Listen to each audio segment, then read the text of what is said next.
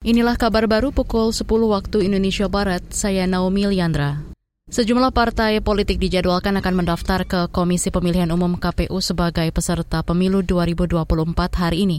Komisioner KPU Idam Holik mengatakan ada empat parpol yang akan mendaftar Senin ini.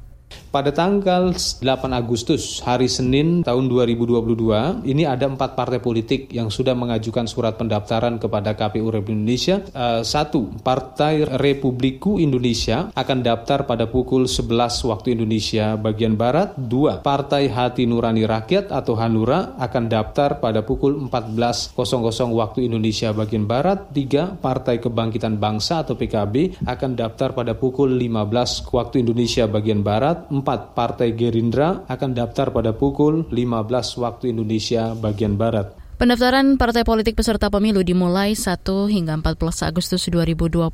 Sampai hari ketujuh pendaftaran telah ada 14 partai yang mendaftar.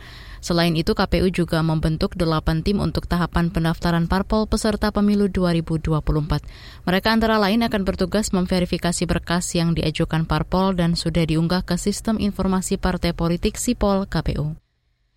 Pihak keluarga dan pengacara berharap mendapat izin menjenguk bekas Kadif Propam Polri Verdi Sambo di Makobrimob Kelapa II Depok. Sejak Sabtu kemarin, Sambo ditahan di tempat khusus di Makobrimob untuk alasan pemeriksaan terkait tewasnya Brigadir Yosua.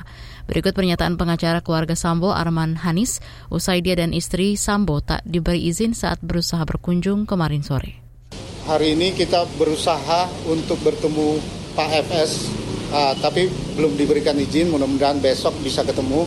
Semoga dapat diberikan izin biar bagaimanapun keluarga maupun penasihat hukum bisa uh, bertemu dengan Pak FS. Itu tadi pengacara keluarga Sambo, Arman Hanis. Sementara itu istri Sambo, Putri Chandrawati juga ikut saat berusaha mengunjungi suaminya kemarin. Ini adalah kali pertama Putri muncul ke publik usai kasus tewasnya Brigadir Yosua. Dalam kesempatan itu Putri mengatakan ikhlas memaafkan segala perbuatan yang keluarganya alami.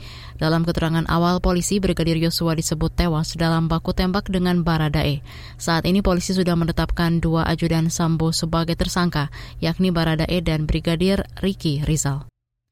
Terakhir ke lantai bursa, IHSG menguat dalam pembukaan perdagangan awal pekan. Saham dibuka naik 7 poin ke posisi 7.092. Pada menit-menit awal nilai perdagangan saham mencapai 210 miliar rupiah. Sebanyak 180-an saham diperdagangkan mencatatkan kenaikan, 60-an melemah dan 240 saham stagnan. Sementara itu kelompok 45 saham unggulan atau indeks LQ45 naik 0,14 persen ke posisi 1009. Demikian kabar baru KBR, saya Naomi Liandra.